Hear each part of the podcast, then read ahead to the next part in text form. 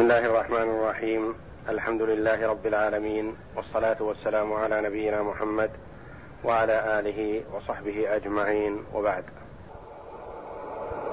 اعوذ بالله من الشيطان الرجيم بسم الله الرحمن الرحيم اتى أمر الله فلا تستعجلوه سبحانه وتعالى عما يشركون هذه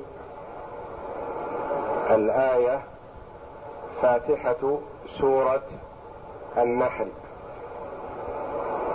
وسورة النحل مكية مما نزل بمكة قيل إلا ثلاث آيات منها نزلت بين مكة والمدينة. وفي هذه الآية يقول الله جل وعلا أتى أمر الله؟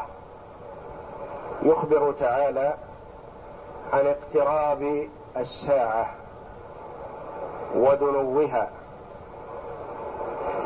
وأتى جل وعلا بصيغة الماضي للأمر المستقبل وكذلك لتحقق الوقوع وقربه. لتحقق الوقوع وقربه وأن هذا الشيء واقع عن قريب. والله جل وعلا أنزل قوله جل وعلا اقتربت الساعة وانشق القمر. فاشرأب الناس وقال الكفار بعضهم لبعض قرب انتهاء الدنيا فانظروا ماذا يكون فانتظروا أياما فلم يحصل شيء فقالوا ما حصل مما قلت يا محمد شيء فأنزل الله جل وعلا اقترب للناس حسابهم وهم في غفلة معرضون. فاشربوا كذلك وقالوا قرب الحساب وانتهاء الدنيا على ما يزعم ويدعي محمد. فانتظروا فانتظروا أياما فلم يحصل شيء.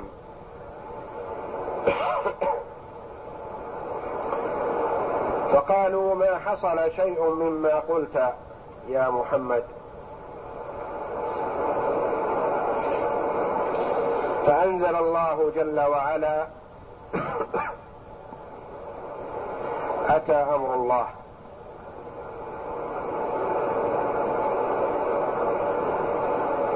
فاشرأبوا كالأول والثاني وتطلعوا وتوقعوا أن الأمر قد انتهى. فلم يحصل شيء مما توقعوا. فقالوا ما صدق محمد فيما قال. فأنزل الله جل وعلا فلا تستعجلوه. فلا تستعجلوه. هو آت لا محالة. والعذاب بالكفار واقع. فلا تجهلوا وتستعجلوا العذاب وهو واقع بكم لا محالة. وذلك أن النضر ابن الحارث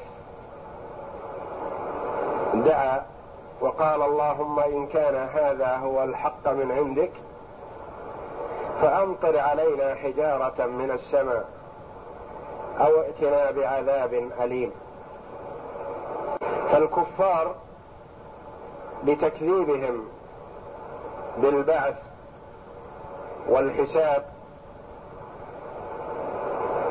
يستبطئون العذاب استبطاء إنكار له وعدم تصديق به.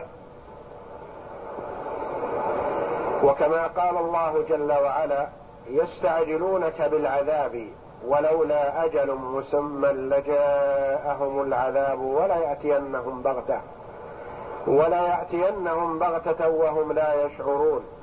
يستعجلونك بالعذاب وإن جهنم لمحيطة بالكافرين. فالله جل وعلا يقول فلا تستعجلوه فإنه واقع. ومن يستعجل بالعذاب هو المكذب به. وأما المصدق والمؤمن فإنه, لا يت فإنه يتخوف من العذاب ويحذره. كما قال الله جل وعلا يستعجل بها الذين لا يؤمنون بها والذين آمنوا مشفقون منها ويعلمون أنها الحق. ألا إن الذين يمارون في الساعة لفي ضلال بعيد؟ فالكفار يستعجلون الساعة ويستعجلون العذاب.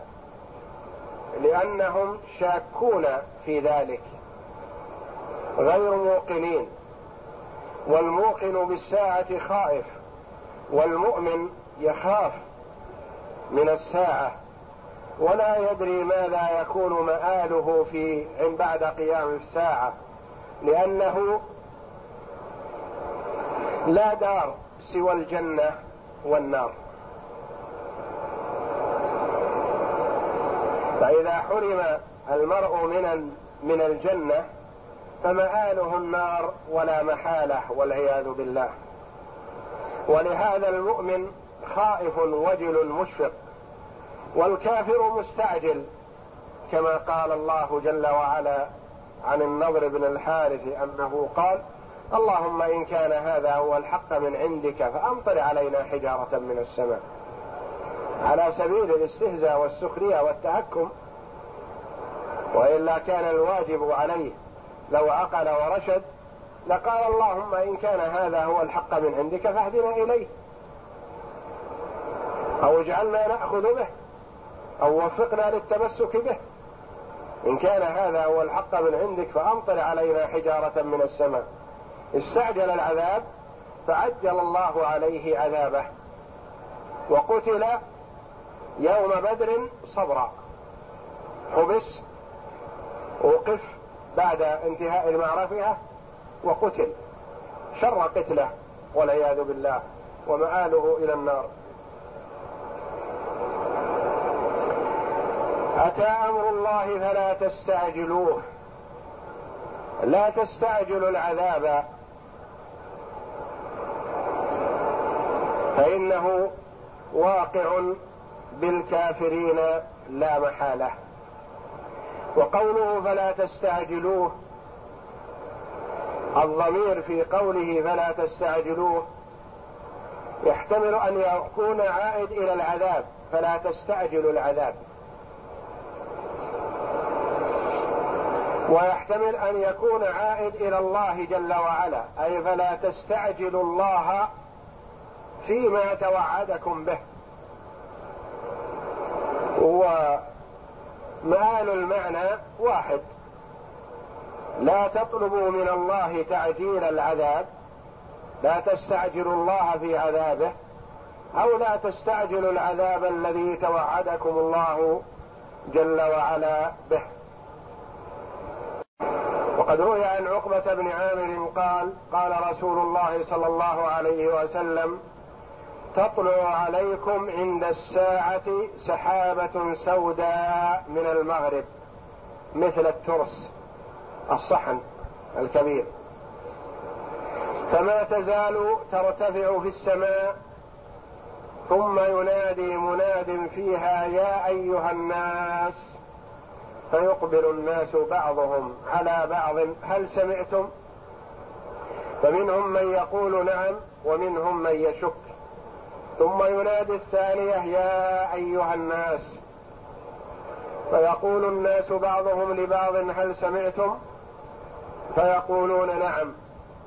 ثم ينادي الثالثة يا أيها الناس أتى أمر الله فلا تستعجلوه. قال رسول الله صلى الله عليه وسلم فوالذي نفسي بيده إن الرجلين لينشران الثوب فما يطويانه أبدا.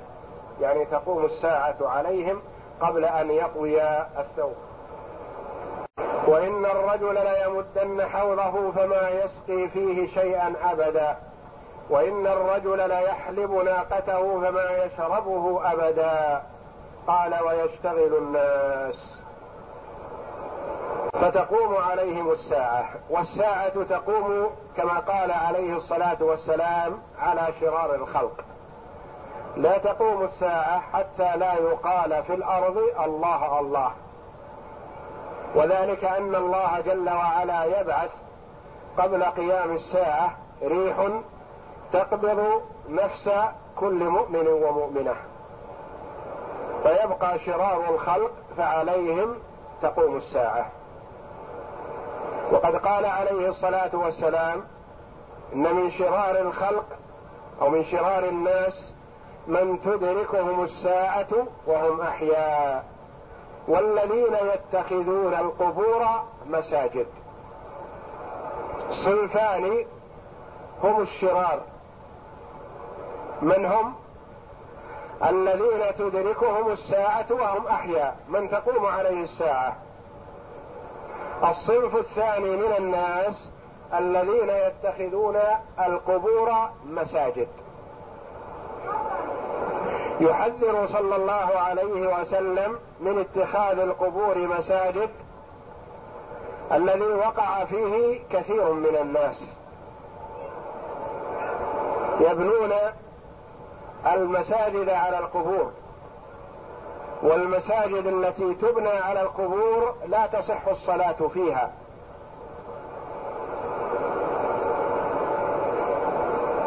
لا تصح الصلاة في مسجد بني على القبر.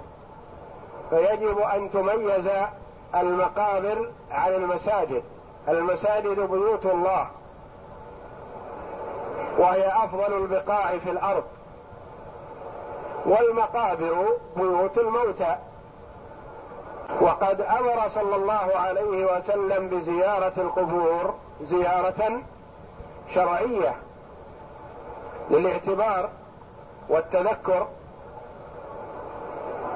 والتعرف على المآل وأن الإنسان آئل إلى ما صاروا إليه والدعاء لهم. هذه الزيارة الشرعية. وأما الزيارة البدعية فالذي يزور المقابر من أجل أن يدعو الله. هذه زيارة بدعية. والذي يزور المقابر يدعو أهلها ويسألهم هذه زيارة شركية مخرجة من الملة. الذي يفعل ذلك كافر مشرك بالله وإن صلى وصام وزعم أنه مسلم. إذا سأل أهل القبور أمرا من الأمور فقد كفر بالله العظيم. فعلى المرء أن يتنبه لهذا الأمر العظيم. فلا يقصد المقبرة لدعاء الله لأن المقابر ليست محلا للدعاء. فإن فعل ذلك فقد ابتدع. فإن قصد المقبرة لدعاء أهلها وسؤالهم فقد كفر بالله. وإن قصد المقبرة للسلام على أهلها وتذكر المآل والاعتبار هذا قبر فلان وهذا قبر فلان وهذا قبر فلان ويوشك عن قريب أن يأتي القوم الذي يمر اليوم الذي يمر على قبرك فيقال هذا قبر فلان. فيستعد المرء للرحيل. هذه زيارة سنية زيارة من السنة للاعتبار والتذكر والتأمل في المآل.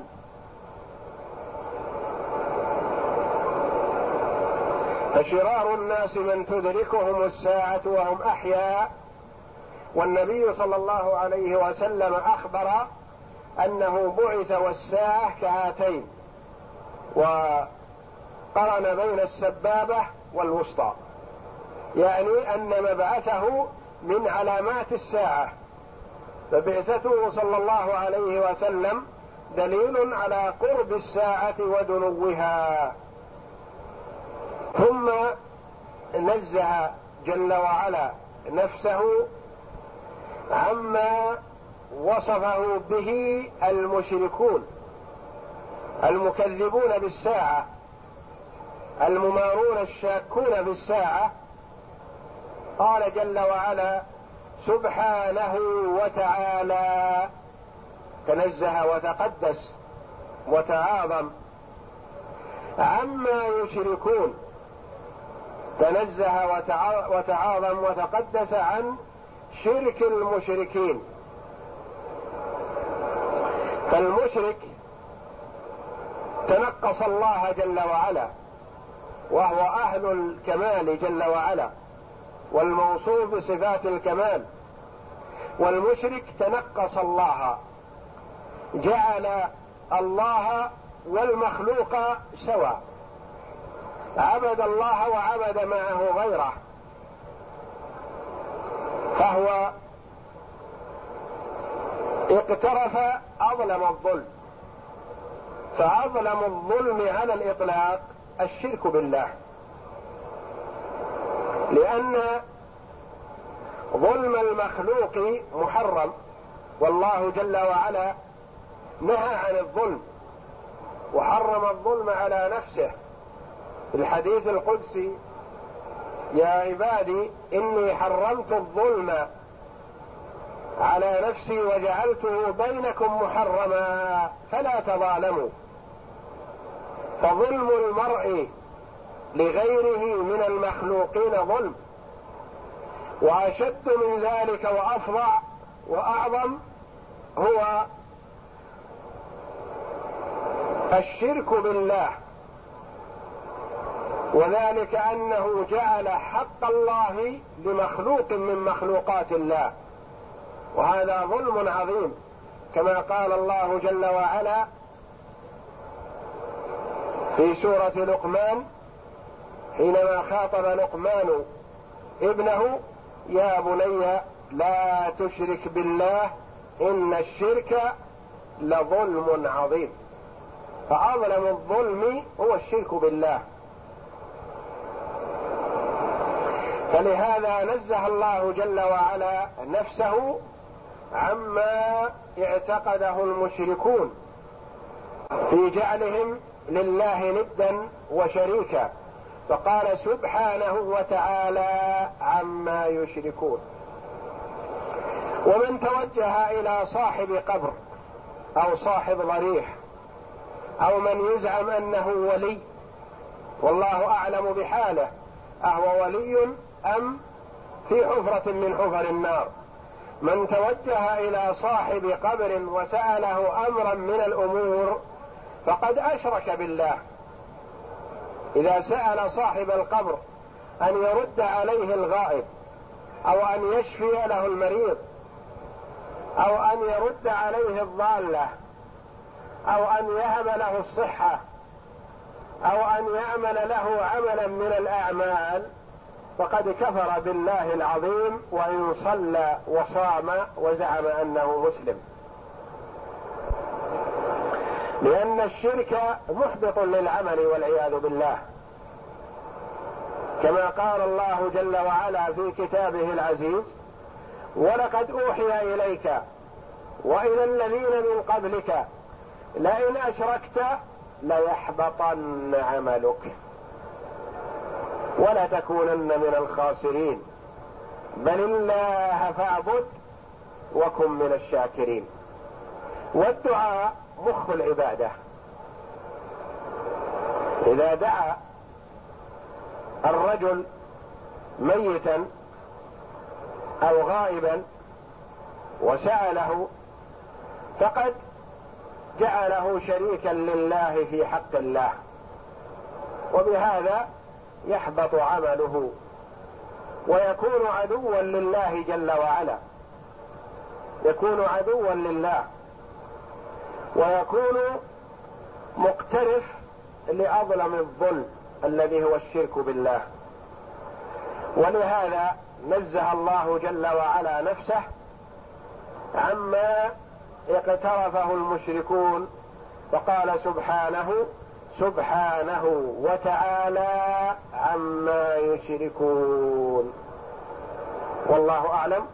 وصلى الله وسلم وبارك على عبده ورسول نبينا محمد. وعلى آله وصحبه أجمعين.